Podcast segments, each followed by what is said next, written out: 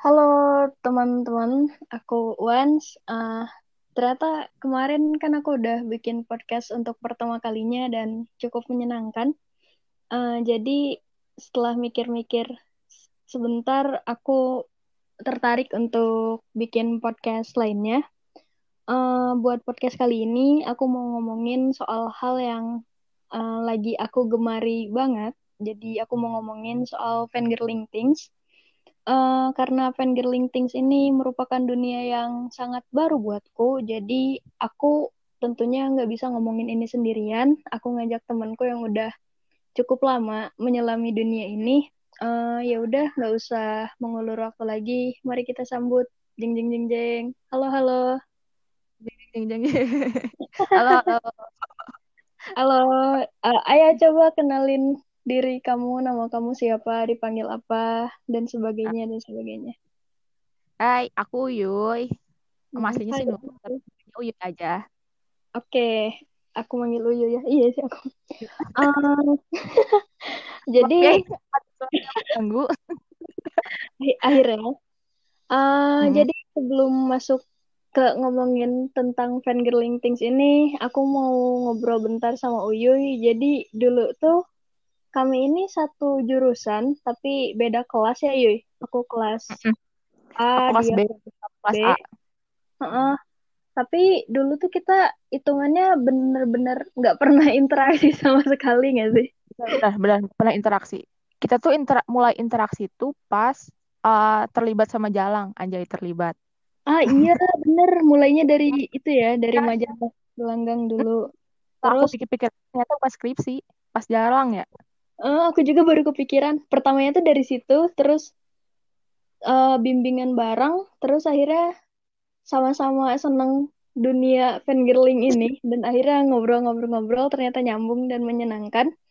Jadi uh, buat podcast kali ini aku ngerasa Uyu ini adalah orang yang tepat untuk aku ajakin ngobrol tentang hal ini karena temanku yang lain, teman dekatku yang lain, kalau aku ngomongin tentang Korea Korea ini, kayak apa sih Wan gitu, kayak capek sendiri gitu kayak. uh, langsung aja kali ya. Uh, pertama jangan ngobrol terlalu jauh dulu. Kita mau ngomongin tentang awal mula kamu seneng musik Korea tuh kapan sih? Soalnya kan aku pribadi ini seneng musik Korea ini baru baru-baru ini gitu, baru-baru pas kuliah itu juga akhir-akhir kuliah gitu. Dan uh. awalnya cuma jadi casual listener sampai lama-lama bener-bener ngikutin gitu, bener-bener ah uh, nggak cuma dengerin musiknya tapi juga ngikutin show-show yang artisnya uh, datengin dan sebagainya. Nah kalau kamu gimana tuh? Awalnya kapan? Kalau buat kenal pertama kali, mungkin lagu My Lekon ya. Dulu hmm. kan sempet boom itu lagu My Lekon waktu pas zaman-zaman SD setiap hmm. akhir tahun bukan akhir tahun akhir semester genap biasanya. Hmm. suka ada uh, istilahnya summon. Summon. nah, dance ya dance-nya pakai lagu itu kan lagu My Icon. Tapi pas saat itu aku belum sih belum menggandrungi banget ke situ. Cuma mulai agak intens-intensnya suka sama musik Korea itu waktu pas uh, booming drama Korea Full House. Uh, uh, aku suka uh, banget. Drama ya dan mulai fangirling uh, kayak K-pop grup kayak gitunya kayaknya pas Suju deh Super Junior pas kelas 5 SD. Ah, SD iya. berarti ya? dari, dari SD udah udah berapa tahun tuh suka Korea? Lama banget. iya. Itu juga dikenalin sama kakak sepupu. Ah, ah, tapi emang emang gitu gak sih? Kok apa ya? Aku juga secara nggak langsung gitu interaksinya tuh nggak benar-benar langsung uh, kita yang nyari tahu sendiri, tapi secara nggak langsung teman-teman ngenalin atau keluarga-keluarga atau orang-orang terdekat gitu, circle terdekat kita ngenalin gitu. Setiap dia datang ke rumah, misalkan buat main sama keluarga gitu ya, huh? dia tuh suka mut suka muterin lagu Super Junior gitu kan, nanya kak ini lagu apaan, lagu apaan sih, Set, enak juga gitu kalau didengar hmm. lama-lama. Panggelingnya lanjut deh sampai sekarang. eh, tapi ya biasanya orang orang yang lagi bucin gitu ya sama dunia Korea terus kalau ditanya eh, ini lagu apaan sih? gitu. Aku aku pribadi ya kalau ditanya kayak gitu kayak aku pengen oh ngasih tahu banyak banget informasi gitu. Tuh pada sampai excited banget pas aku nanya iya. ini lagu apa nih? Lagu apa aja? Kamu harus tahu kamu harus tahu Super Junior kamu harus sini sini eh Allah ya udah akhirnya sampai sekarang deh. Hmm, sampai dikenalin ke mana-mana gitu kan tadinya nanya judul doang padahal iya uh, awalnya nanya uh, kalau akhir-akhir ini nih kamu lagi seneng dengerin siapa? Soalnya kan uh, apa ya karena suka Korea pasti banyak banget tuh yang didengerin nggak cuma satu artis gitu. Kita ngikutin satu artis terus dengerin artis itu kan bosan juga gitu. Kalau akhir-akhir hmm. ini kamu suka dengerin siapa tuh? Kalau akhir-akhir ini sebetulnya banyak. Hmm. uh, sebagai musikan sebetulnya bingung kalau ditanya lagi dengerin apa dan ini siapa hmm. tapi kalau uh, berdasarkan recent play di musik app yang ada di on repeat itu kayaknya Seventeen sama BTS deh Jud dua itu ada di Iya, dua itu ada di jajaran paling atas on repeat Spotify sama YouTube Music kan. Hmm. Kalian nih buat tahu Seventeen bisa dengerin lagu mereka yang kayak apa ya? Home Run, MV-nya tuh bagus sama Left and Right. Oke. Jadi itu ya rekomendasi buat para pendengar podcast ini lagunya Seventeen. Kalau buat BTS kayaknya udah pada tahu dah. Iya, udah Entah, terkenal banget. Hmm. Tapi kayaknya buat kalau buat Seventeen masih jarang-jarang. Hmm, oke okay, oke okay, oke. Okay. Jadi buat teman-teman yang mau dengerin dan tertarik untuk dengerin Seventeen secara lebih lanjut bisa ntar hubungin Uyuy di nomor di bawah ini. Sekali. Sangat terbuka kalau buat nanyain Seventeen. kalau buat yang lain jangan dah. Seventeen doang ya. Uh, terus uh, ngefans ini kan ada pastinya ya dari awalnya kayak aku tuh dengerin cuma denger denger doang nggak nggak pernah sampai tertarik untuk ngepoin artisnya gitu sampai akhirnya lama-lama karena saking seringnya dengerin uh, karya dari artis itu aku sampai nyari tahu oh nyari tahu sedalam mungkin gitu sampai apa pun informasi yang bisa aku dapat aku cari tahu sampai akhirnya bener-bener bucin gitu sama satu orang uh, jadi selain dengerin musiknya tuh aku selalu ngikutin kegiatannya kayak dia tampil di acara mana aja. Dan hmm. biasanya kan apa ya uh, itu tuh pakai bahasa Korea dan uh, kalau buat Korean hip hop jarang ada subtitle gitu kan. Nah oh, tapi aku tuh betah gitu dengerin dia ngomong selama dua jam gitu karena saking udah bucinnya gitu. Mungkin udah ya. ada di fase itu gitu kalau sekarang. Nah menurut kamu sendiri ngefans tuh ada fasenya nggak kalau buat aku pribadi uh-uh. mulai mulai ngebucin dan mulai tertarik itu pasti dari lagu mereka. Mm-hmm. Ngefansnya sama Korean pop group gitu. Mm. Pertama dari lagu, terus lanjut ke performance mereka pas on stage. Biasanya kan kalau on stage tuh kelihatan mereka kayak apa ya? Uh, persiapannya matang atau enggaknya, mereka aslinya kayak gimana gitu. Kan kalau. MV mah ada edit-editnya lah kayak gitu istilahnya. Mm. Kalau mereka pas on stage, pas on stage ketahuan kan aslinya kayak gimana gitu. Abis itu mulai deh kalau udah ngefans sama lagu sama performance mereka di on stage kayak gitu, aku mulai nyari-nyari tahu nih. Kayak abis itu nyari muka member yang gampang diingat, nggak harus visual group, yang ganteng, yang ganteng sih pasti gitu, yang mukanya icon aja gitu. Biasanya aku udah suka banget nih sama satu hal yang aku pertimbangkan di awal yang tadi kayak lagu sama performance, aku pasti nyari tahu, aku pasti tahu pasti nyari tahu reply-nya siapa. Mereka nulis lagu sendiri atau enggak entah kenapa aku kayak kayak punya standar sendiri gitu. Kalau misalkan ada member yang bisa diandalkan buat jadi uh, pencipta lagu di grupnya atau pemasok lagu di grupnya dan reply-nya dan si reply-nya juga nulis lagu uh. bukan cuap-cuap kalau menurut aku ya kalau standar aku sendiri gitu itu grup pasti, pasti bagus gitu ah Soalnya nggak semua grup ya nulis lagunya sendiri gitu-gitu ya. Mm -mm. Terus aku merasa kenapa akhirnya aku bisa bucin banget huh? karena ada beberapa ada beberapa idol yang punya latar belakang yang sama gitu istilahnya. I can Banyak. relate, can relate. Banyak idol yang mulai karir mereka memang tanpa sokongan dari segi ekonomi atau bahkan dukungan keluarga gitu. Keresahan hidup, keresahan hidup dan struggling yang sama kayak lebih valid aja sih ketika mereka istilahnya nyeramahin kita lewat lagu mereka tentang kerja keras misalnya atau hidup di tengah standar yang gak masuk akal karena mereka hmm. pernah itu jadi aku ngerasa ya lu boleh ngomongin itu karena kan aneh ya misal misalkan kalau lu ngomongin soal meraih cita-cita sementara lu aja nggak pernah kena teror uang SPP selama sekolah. Gimana gue mau merasa ya gimana gue mau merasa diyakin diyakini kalau cita-cita kalau cita-cita itu dekat gitu.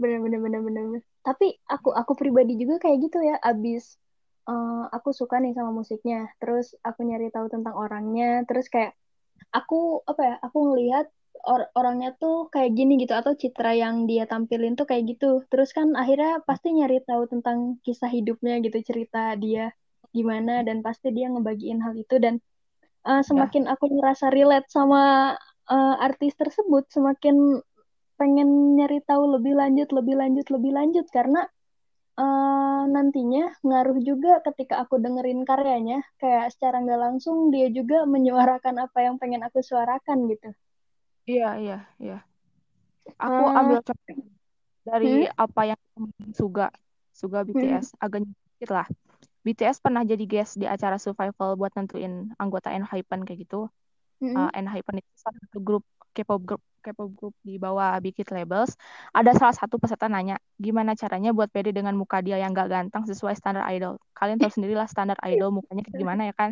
Uh. Si Taehyung mau jawab, Taehyung itu kan FYI, FYI, uh, FYI aja nih buat kalian. Kalau si Taehyung itu kan masuk jajaran orang ganteng sedunia. Oh. Terus Suga, Suga nyela dengan bilang yang intinya, Vi nggak punya hak buat ngasih saran soal ini karena Vi nggak pernah ngerasain di posisi itu uh-huh. terus juga terus ngasih caranya uh, inti yang yang intinya dia bilang gini lihat lihat dah gue gitu emang gue ganteng kagak kan ganteng ganteng kan relatif tapi dia nggak sesuai eh, nggak uh, sesuai dengan beauty standar idol. Bisa jadi bisa jadi idol gak gitu. Dia langsung nunjukin dirinya sendiri. Emang gue ganteng bisa jadi idol kayak gini? Kata dia gitu. Terus dia bilang Taehyung tuh nggak paling kalau mau ngomongin soal uh, apa perihnya muka pas-pasan di beauty standard idol Indo Korea tuh. Bener-bener bener uh, apa ya kalau kalau di dunia yang deket gitu ya nggak nggak nyambung sama dunia idol ini emang bener kan uh, orang yang nggak pernah ngerasain hal tersebut gitu. Apa ya? Secara kasarnya nggak punya hak gitu buat sotoy-sotoyan ngomongin itu gitu. Kayak orang yang uh, saha saha sih itu yang anaknya yang punya RCTI yang ngomongin tentang sukses milenial sukses milenial padahal ya dia hidup seperti itu gitu dari dulu suka, suka, suka lucu gitu. Atau atau ini deh orang orang-orang yang ngomongin kayak pelecehan seksual dan sebagainya dan sebagainya yang mayoritasnya perempuan kan biasanya yang jadi korban tapi narasumbernya laki-laki semua gitu-gitu. Yang kayak gitu kayak gitu emang emang apa ya kurang-kurang cocok gitu. Iya kita aja males kan kalau buat nontonin. Ah lu jadi korban aja nggak pernah tiba-tiba ngomongin HP bener. Kayak kayak sotoy-sotoyan gitu. Mereka kan ngomonginnya dari prasangka gitu. Makanya semakin relate tuh jadi semakin enak aja kan ya. Sama kayak idol dan fans juga gitu. Benar-benar uh, terus masih nyambung sama apa ya? Uh, tentang ngefans ini, kamu ini tipe fans kayak gimana? Soalnya kan kita sebelum bikin podcast ini pernah ngobrol tuh. Uh, cara ngefans kamu tuh berubah gitu dari yang dulu uh, kayak gimana dan kamu sempat jeda gitu dari dunia fangirling ini dan akhirnya sekarang masuk lagi ke dunia ini. Nah, kalau sekarang kamu ini tipe fans yang kayak gimana sih? Kalau aku tipe fans kayak gimana? gimana ya? bingung. Kalau dibilang normal, nggak normal juga, gila dikit. Tapi kini nggak ada yang normal emang ya, fans-fans di dunia ini. Kalau aku uh, ngerasa kalau di udah di umur-umur sekarang tuh kayak punya batasan sendiri gitu loh. Hmm. Kayak uh, bisa memisahkan antara ini realita, mana imajinasi ini yang buat dikejar sekarang dan itu tuh bukan sesuatu hal yang harus kamu kejar gitu kayak ah. memisahkan kayak memisahkan realitas aja kayak gitu hmm, udah udah udah apa ya bisa bisa ngebedain lah ya um, hmm. bisa dan punya prioritas lebih karena banyak yang harus diperhitungkan di dunia nyata gitu hmm. jadi soalnya terus tuh huh? Eh, sorry sorry sok uh, kayak misalkan beli sesuatu kayak merchandise kayak gitu aku juga mempertimbangkan hal-hal yang menurut aku kayaknya kalau kayak gitu nggak penting deh fungsinya apa gitu buat aku ah, jadi ah. Gitu misalkan aku beli album kalau cuma buat uh, kepuasan mata sama kepuasan um, lu idola gue gue harus beli Aha. kayaknya nggak yakinkan aku untuk beli juga Mhm. gitu Ngerti, ngerti, ngerti. masih banyak prioritas yang harus aku Betul, lakukan betul, betul. sih Makin makin tua makin ngerasa realistis gitu sama kehidupan dan dunia fans-fans ini. Mm-mm. Soalnya eh, aku sering banget lihat di timeline Twitter aku orang-orang kayak ngomongin tentang K-pop sih rata-rata. Eh, jangan apa ya? Jangan jangan maksa-maksa untuk ngelakuin hal yang vote terus dan kayak harus nge-screenshot dan menunjukkan itu semua ke kayak ke publik gitu gitu kayak aku ngelihatnya dulu eh, Hmm. mereka kok kayak ada apa ya tekanan gitu untuk melakukan itu dan eh, ngasih orang lain atau secara nggak langsung nyuruh orang lain buat melakukan hal yang sama dan ketika orang lain nggak melakukan hal yang sama dianggap nggak apa ya fake fans atau bukan fans yang loyal gitu. A- bahkan aku pernah baca statement eh, tapi nanti kalau idolnya menang ini ini ini gitu yang sistemnya vote kayak gitu. Aku karena aku nggak begitu ngerti Ah. kamu jangan ngerasa seneng ya. Lah kenapa sampai ngatur-ngatur perasaan orang gitu ketika ngefans? Makanya lucu banget gitu. Gue aku penasaran sama tipe-tipe fans di dunia ini bahkan gini man aku tuh pernah uh, aku lupa MV-nya siapa. Kalau nggak salah sih MV-nya BTS deh waktu itu pertama keluar. Uh-uh. terus aku komen kan aku pakai emot komennya. Aku dimarahin dong di reply gitu. Gak boleh komen pakai emot. Katanya itu tuh bisa bisa mempengaruhi mempengaruhi apa sih? Aku ngerti sih emang kalau emoticon tuh dianggap apa gitu sama YouTube. Cuma ya Allah nggak usah dimarahin juga Asli. kali. Gila gila gila aku aku nggak pernah sih ya karena bisa baru mempengaruhi di dunia fans fansnan ini dan nggak tahu mungkin beda kali ya sistemnya. Oh sampai dimarahin Uh-uh. gitu. Masa- Iya masalahnya kan dia nggak kenal sama gue tiba-tiba marahin gue gara-gara komen emot. Ya Allah. Iya itu ngakak banget iya lucunya jadi malah ngatur-ngatur hak orang apa ya apa cara ekspresikan kesukaan gitu gitu. Kayak harus semuanya sama gitu ngelakuin hal yang kayak gitu heran.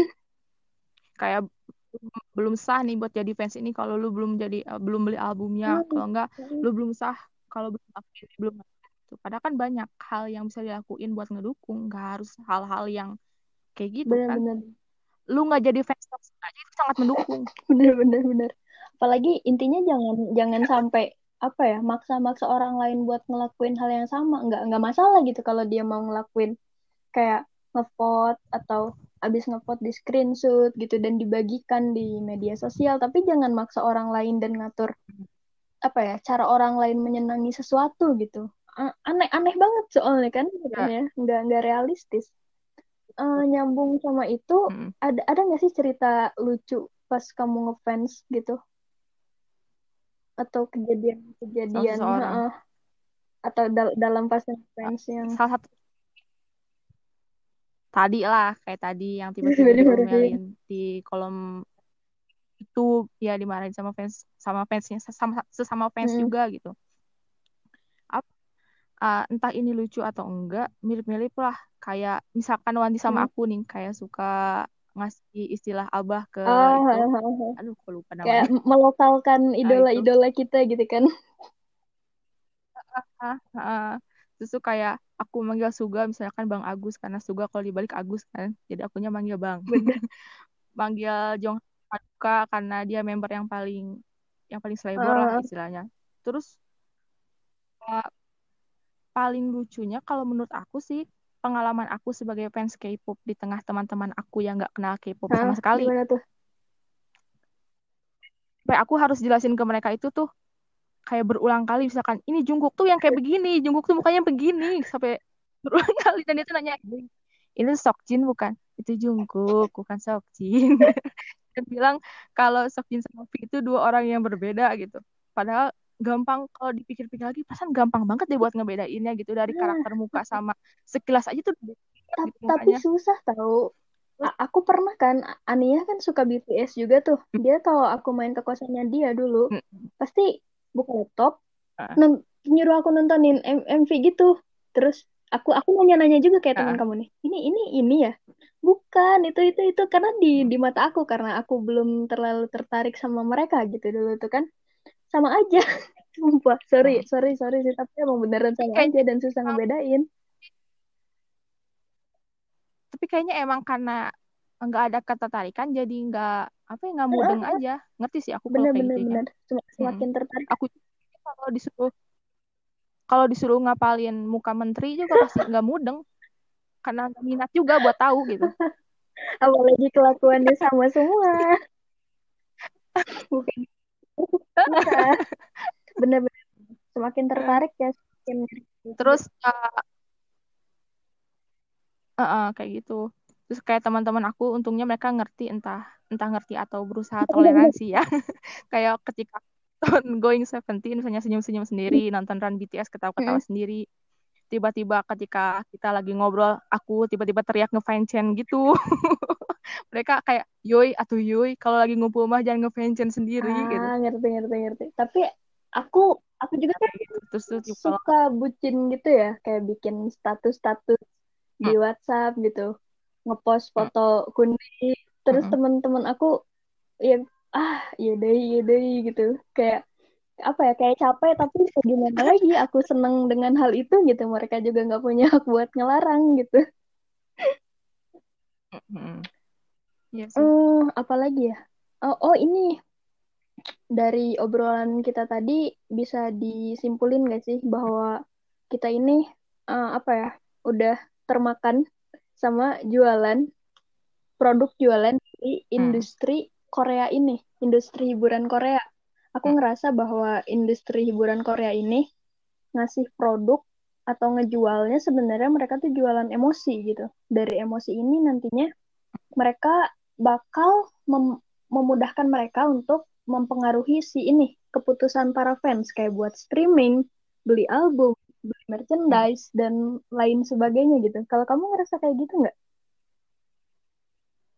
iya ya karena itu modal mereka buat bikin pasar Mm. mereka kalau menurut Mm. aku ya mereka bukan mereka tuh bukan lagi ngikutin pasar tapi menciptakan pasarnya sendiri bener. gitu bisa dilihat bisa dilihat dari interaksi mereka ke fans gitu di berbagai sokmed bahkan mereka nyiptain sendiri sokmed interaksi mereka kayak Big Hits label punya Weverse terus tuh SM punya apa namanya tuh Bubble Listen aplikasi itu kan dipakai juga sama artis dari JYP itu yang SM yang Big Hits labels juga. Nggak cuma artis di bawah naungan Big Hits labelsnya gitu ada artis-artis di luar itu. Ah, oh, baru tahu. terus uh, mereka paham betul gitu target mereka kayak gimana entah dari segi umur atau gender. Misalkan contohnya lagi nih mereka mention nama kita reply pakai bahasa kita. Itu kan salah satu bentuk kalau menurut aku salah satu bentuk mengikat yang entah disadari atau enggak Ya, dan, dan kita mereka memvalidasi Hmm. jadi terikat secara emosi terus kan kita tahulah uh, orang Indonesia biarpun gak semuanya gitu ketika negaranya dimention bener seneng kan bener bener banget nah. ngomong bahasa Indonesia ngomong bahasa Indonesia kita seneng ngerasa mereka juga tahu kita Mhm. Eh, suaranya hilang. Halo, halo. Halo? Nah, Nyambung nggak? Nyambung nggak? Tadi hilang suaranya. Terus tadi orang Indonesia kan emang, iya benar-benar aku sepakat bahwa orang Indonesia ini ketika apa ya orang-orang luar gitu, orang luar negeri eh, nge-mention tentang Indonesia, pasti ngerasa excited dan itu pada akhirnya dijadiin strategi buat mereka, buat orang-orang luar untuk ngegayat pasar dari Indonesia gitu karena Indonesia ini mud- mudah sekali untuk diombang-ambing ke sana kemari gitu orang-orangnya Benar. buat buat ke pribadi ya dari yang aku lihat gitu Terus tuh kan dulu tuh selalu aja ada komentar ngapain sih lu ngefans sama opa-opa mereka tahu lu hidup aja enggak gitu. Hmm. Mereka melakukan si idolnya itu hal-hal memvalidasi eksistensi si fansnya dengan dia nge-mention negara, dia ngomong pakai bahasa negara kita. bener-bener Pendekat pendekatan mereka tuh kayak macam orang PDKT ya kan. Karena ada maunya bener gitu. bener Dibikin berbunga-bunga aja orang. Nah, dan, dan Belum lagi ada orangnya beberapa- seneng banget kan fansnya Eh, nggak nggak bohong lah Ah, aku aja nih nge-mention Kundi terus di scene story aku tuh senengnya minta ampun itu waktu itu Iya, iya, iya, iya. Aku juga sama gitu kalau di Weverse misalnya gitu. Eh, mereka ngeposting hal yang sama gitu kayak aku, Hmm. yang aku posting di Weverse juga kayak, wah jangan-jangan gue jodoh dia.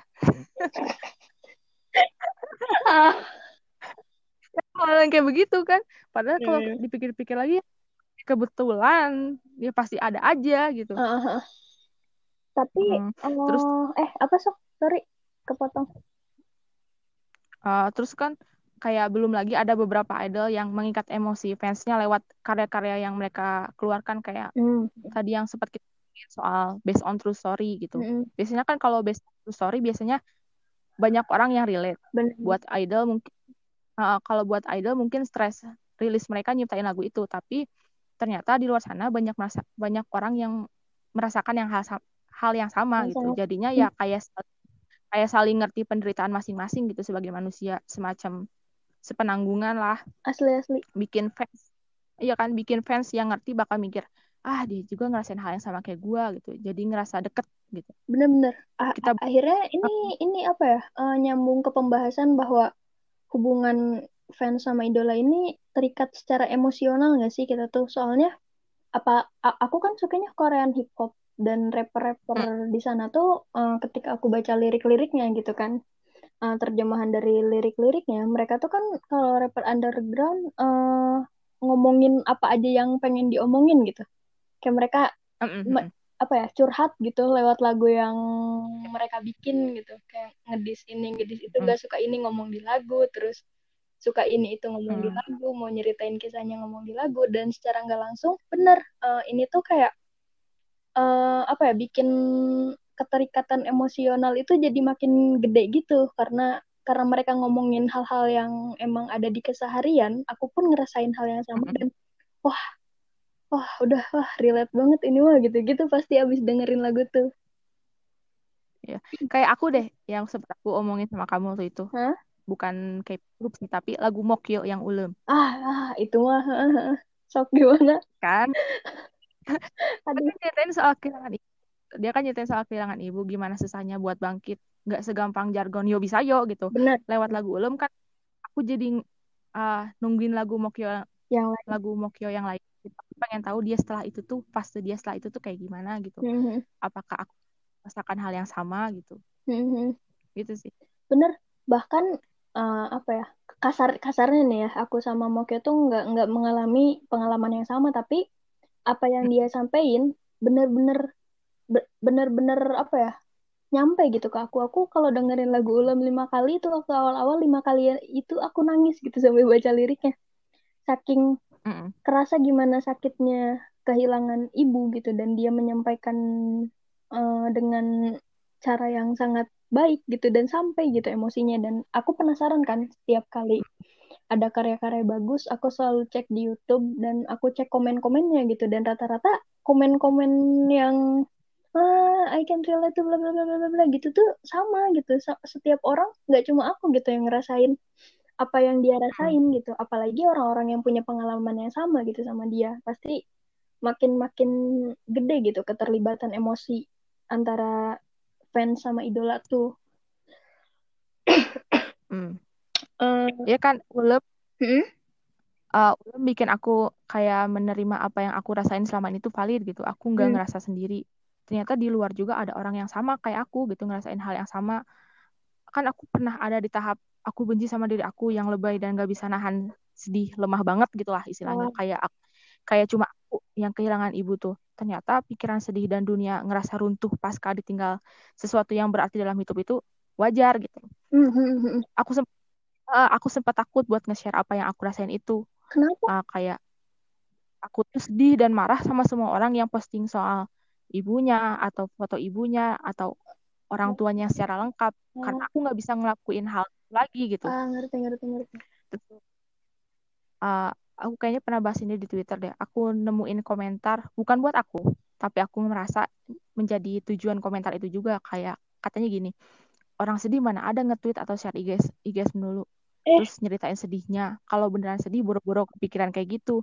Yang ada kalau orang sedih tuh eh, apa sih diem aja nggak bisa nggak sanggup buat ngepost apa pun katanya. Yang sedih itu bukan cuma lu doang orang sedih tuh nggak kayak gitulah intinya eh dia siapa ngatur-ngatur perasaan orang aku jadi iya aku jadi mikir ah kalau sedih tuh nggak boleh ceritain pendem aja sampai mati gitu ah tapi apalagi kamu lagi ah, di fase terlemah kan gitu kan lagi sedih-sedihnya dan emang butuh buat nyeritain itu gitu Mm-mm. Kalau jadi aku mikirnya ya kalau sekarang sih mikirnya kalau lu gak mau dengerin gue ya udah nggak usah didengerin, mute aja gue, apa susahnya gitu. Kalau sekarang kan ya, karena udah melewati itu. Kalau kalau dulu kan Kemarin, pasti ini banget. mm-mm. eh apalagi ya? Oh, mas masih nyambung ini nih sama yang emosi-emosi ini dan emang eh, industri hiburan Korea ini kalau dari eh, apa ya si idolnya aku ngelihat eh aku aku nggak tahu ya aku aku sambil nanya nih bener nggak sih mereka tuh kayak disuruh untuk eh, ber apa ya kayak ngasih lihat citra kayak gini si A disuruh ngasih lihat citra kayak gini si B kayak gini C kayak gini gitu dalam satu grup tuh akhirnya jadi ada macam-macam orang gitu macam-macam orang dengan citra yang berbeda-beda gitu bener nggak sih Kalau uh, menurut uh, peng- penglihatan, bukan penglihatan, apa ya? Kalau menurut aku, pengamatan aku melihat idol aku sendiri gitu. Kayaknya sih iya, Wan. hmm, Uh, mereka tuh mereka tuh diciptain sama agensinya sendiri buat yang ditampilin ke publik tuh yang kayak gimana gitu. Soalnya bisa dilihat dari contoh waktu itu tuh pernah ada idol yang ketahuan ngerokok. hmm. Kayak gitu. Ah, kan kalau kayak kita ya udah sih emang ngerokok mah udah biasa aja kali gitu. Buat itu jagat Korea tuh jagat netizen Korea tuh rame banget gara-gara masa sih idol itu tuh ngerokok ya Allah kan eh, apa namanya image dia di layar tuh di layar kaca tuh nggak kayak gitu gitu. Orang yang oh gitu. oh, mm-mm, yang polos yang kayak nggak tahu apa-apa gitu. Tiba-tiba dia ketahuan ngerokok di belakang kalau nggak salah di belakang apa di belakang tempat latihan atau apa gitu. Gil. Kata gue "Ya Allah lu ke mana aja gitu. Ya kayak gitu kan udah biasa gitu sebetulnya hal yang wajar gitu. Iya. lagian mereka pun kategori orang yang dewasa dan dan bukan anak kecil bukan tahu ini kan ya mana yang benar dan yang salah dan apa ya take responsibility lah gitu mereka tuh sama diri mereka sendiri. Mm-mm. apalagi perkara cuma ngerokok doang. Kalau menurut aku gitu kalau buat ngerokok doang ya udahlah orang kan ada ada fase di mana stres nggak tahu harus ngapain ya kan? Benar benar benar. Berarti emang apa ya itu tuh apa ya, akhirnya udah ngikat ngikat bener-bener sampai ke hati para fansnya dan mempengaruhi pikiran mereka nggak sih? Sampai akhirnya mereka Mm-mm. ah ini tuh masa sih dia dia nggak mungkin nih kayak gitu kayak gitu gitu kan. Sampai akhirnya rame gitu Ga- gara-gara merokok doang. Wah gila dahsyat tuh ternyata ya. Pengaruh dari emosi yang dijual sama industri hiburan Korea ini. Mm-mm. ya kayak kemarin kamu tahu sendirilah yang baru terjadi akhir-akhir ini kayak Minggu gitu kena masalah bullying sama seksual harassment pas SMP ya Allah itu biarpun aku berusaha realistis gitu buat kayak aku tahu harus berdiri di mana gitu. Ada perasaan kayak ah masa sih Minggu kayak gitu? gitu. Orang yang takut kok ngebully orang kayak gitu. Oh. Ada rasa nggak percaya biarpun aku tahu gitu. Ya kan idol di mana-mana juga kalau di depan layar sama di belakang kadang ada bedanya gitu. Benar benar benar wah bahkan Mm-mm. berarti ini tuh saking dahsyatnya orang-orang yang ngerti Mm. tentang apa ya bahwa ini tuh ap- apa yang mereka tunjukkan dan apa yang sebenarnya mereka punya di diri mereka tuh punya kemungkinan berbeda atau malah sangat berbeda tuh tetap kemakan juga ya. Terus makan kayak lucu bener. Pasti ada nggak percayanya gitu biarpun akhirnya sampai ke sini ke sini ya cuy terima kenyataan. Kalau orang tuh emang kayak begitu gitu.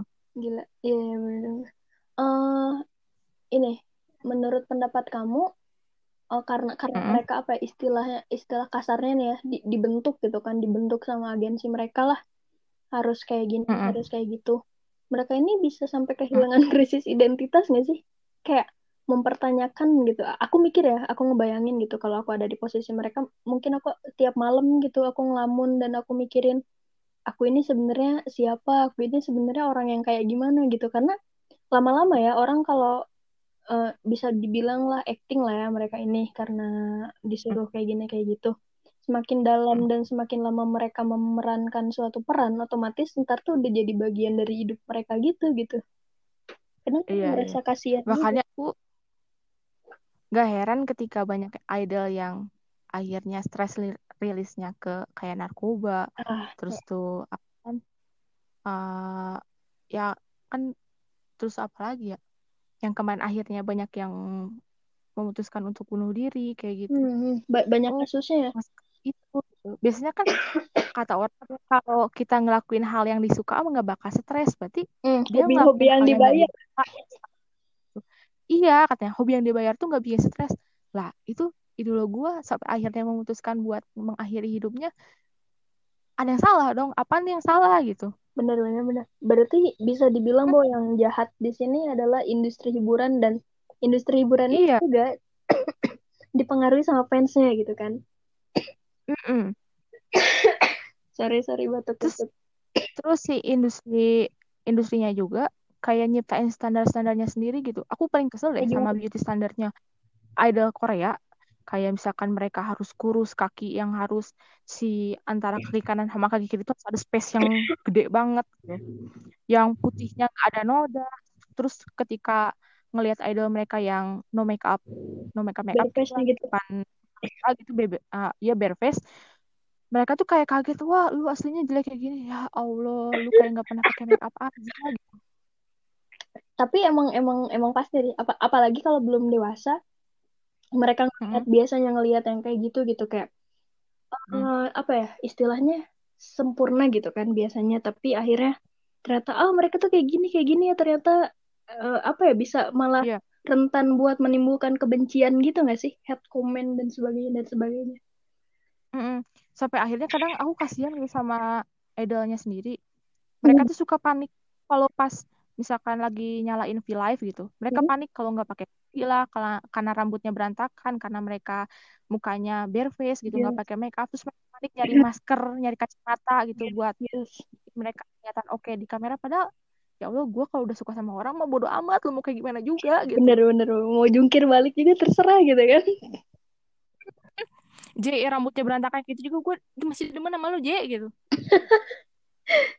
eh ini ya eh, apa ya Eh, aku aku pribadi nih ini kita move on ke obrolan berikutnya aku pribadi Mm-mm. ngelihat dunia fangirling ini sama real life itu kan kayak dua, dua hal yang berbeda apalagi udah umur segini gitu kan udah mau tua Eh, pasti Mm. di hidup tuh kita udah mulai mikirin prinsip acuan atau nilai-nilai yang kita pegang lah ya Hmm, nah Wan, suaranya gak kedenger Wan.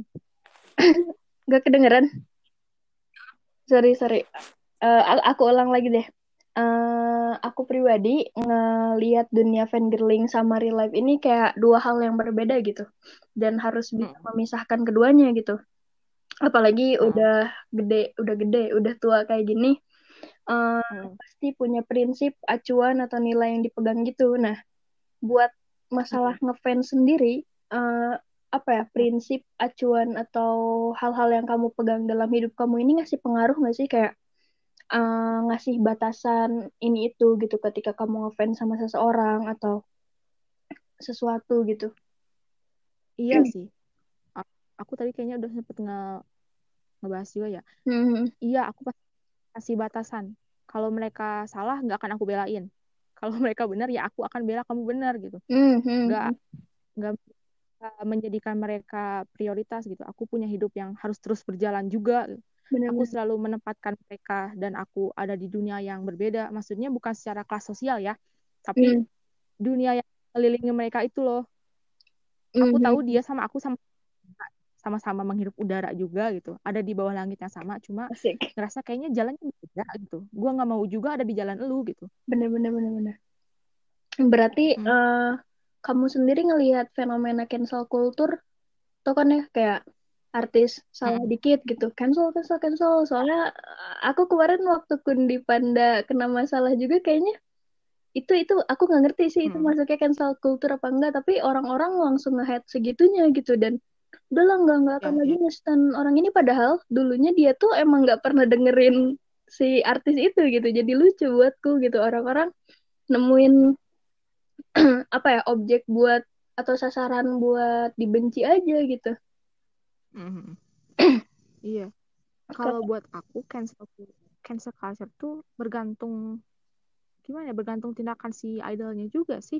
Hmm, Kalau emang yang nggak bisa nggak bisa dimaafkan dan nggak bisa ditolerir dan dampaknya besar banget untuk banyak orang apalagi untuk korbannya gitu hmm. untuk orang yang dan terkena dampak buruk dari hal itu mungkin bisa jadi ada cancel culture kayak gitu. Cuma kalau buat sesuatu hal yang menurut aku dia lakuin untuk dia diri dia sendiri untuk jadi diri dia sendiri atau apa ya salah satu bentuk kayak stress rilisnya kayak gitu nggak hmm. nggak usah pakai cancel cancelan kayak gitu lah kayak bocah. Bener-bener sepakat sepakat selama iya. orang itu nggak apa ya nggak ngasih dampak yang benar-benar merugikan gitu buat orang lain gitu. Ya udah gitu. Mm-hmm.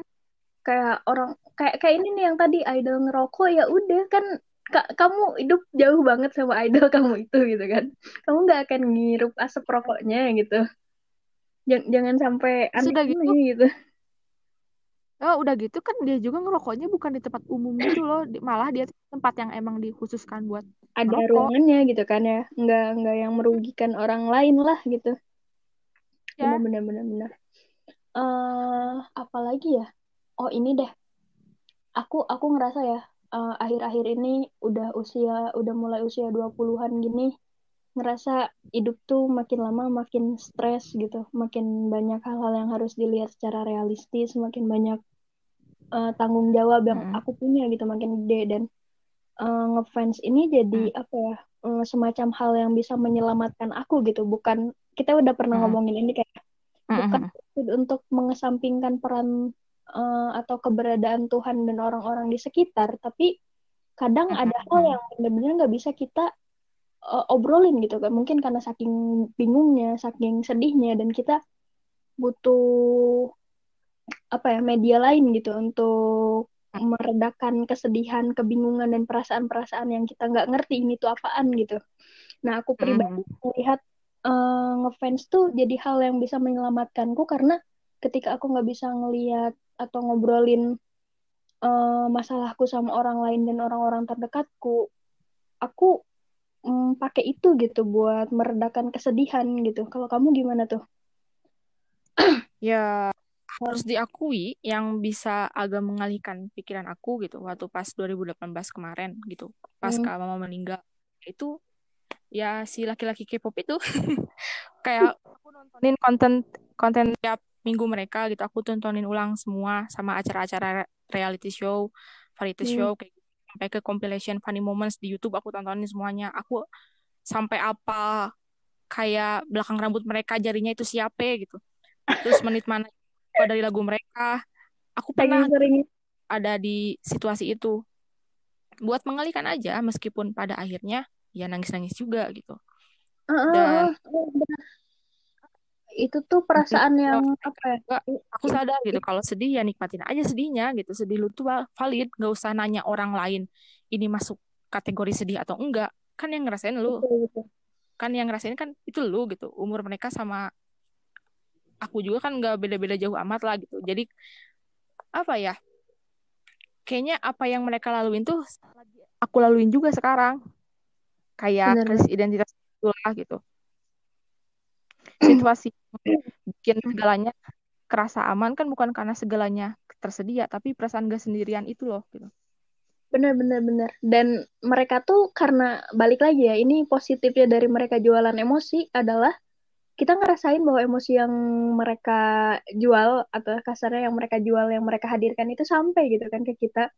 Sampai kita bisa nggak sendirian di dunia ini dan perasaan nggak sendirian kayaknya emang hal umum yang ditawarkan sama industri hiburan Korea ini. Aku ngerasanya kayak gitu tau.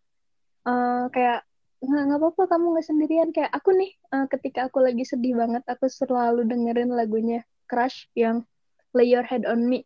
Oh. wah itu kayak oh, berasa di nemenin itu gila-gila itu berasa kayak ada ada orang yang nemenin aku saat aku dalam kondisi yang ya. tidak baik-baik aja dan gak bisa cerita ke temen-temen gitu. Mm -hmm. Aku juga sampai parah, parah. punya playlist gitu di apa di Spotify kayak pemantik menangis. Lagunya hmm. kayak lagu icon icon yang klimaks part bobinya itu wah meremes sekarang gitu. Terus kayak apa uh, salah satunya tadi lagu Ulem yang udah di mention sebelumnya. Terus tuh lagunya BTS yang Light Second Life-nya Seventeen mm. Lihai yang Breathe. Terus tuh ah itu. Ah, ah kayak begitulah. Aku lupa apa aja. Asli. Mereka keren banget emo emosinya sampai semua itu. Mm -mm. rasa banget lah pokoknya.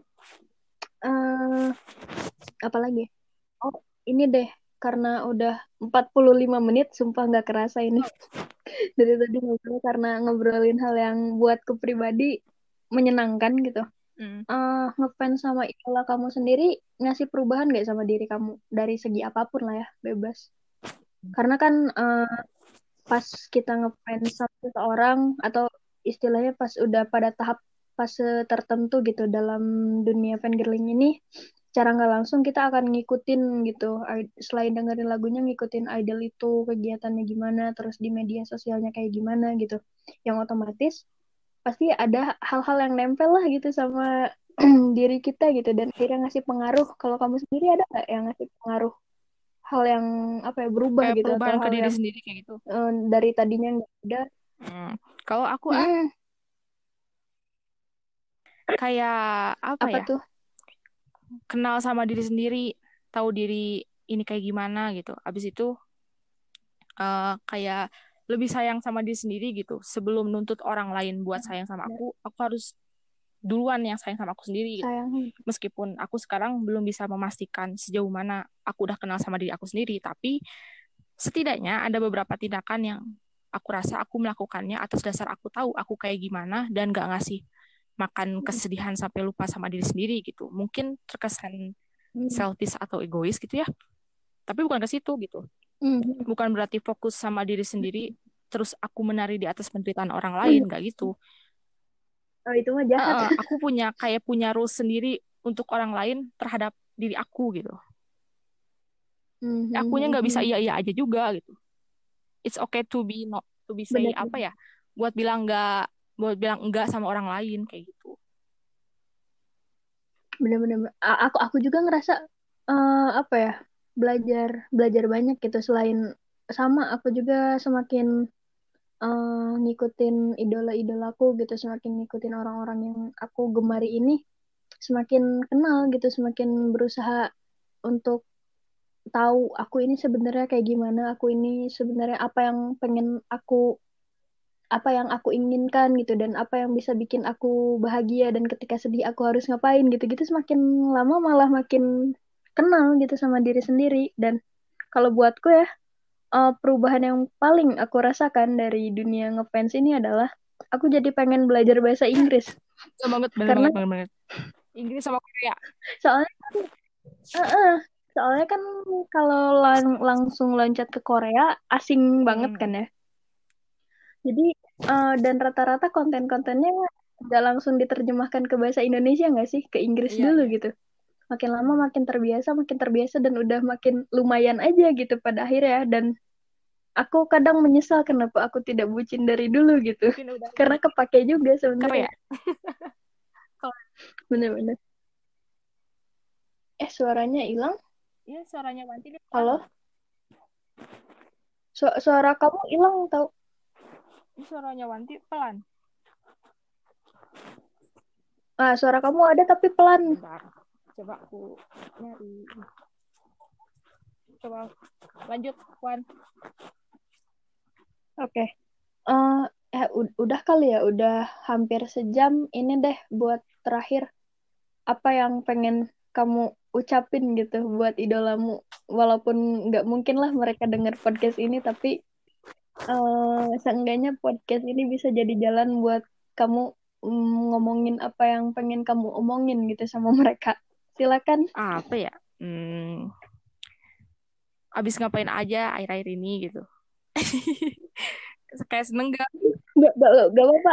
Agak ya, cici-cici sebagai gitu, orang gak apa-apa. yang dimiliki publik, susahnya minta ampun. Lu semua nggak punya privasi gitu. Kayak kayaknya tuh lu ngejemur celana di balkon apart juga bakal jadi bahan berita. Terus kalau kata Suga di cyber Ini bercelana. wherever I nggak tahu struggling lu kayak gimana di belakang layar, Hmm. gue nggak tahu asli lu semua kayak gimana. Gue sih berusaha positive thinking, lu semua tetap orang yang sama. Tapi eh, aku juga percaya pasti nggak semua yang kalian perlihatkan di depan layar eh, bisa kalian tunjukin semuanya gitu. Terus kayak aku Hmm. juga berharap kalian semua kuat kayak kalian menguatkan fans-fans kalian di luar sana. Semoga Tuhan selalu melindungi. Ya lah, gitu aja dah.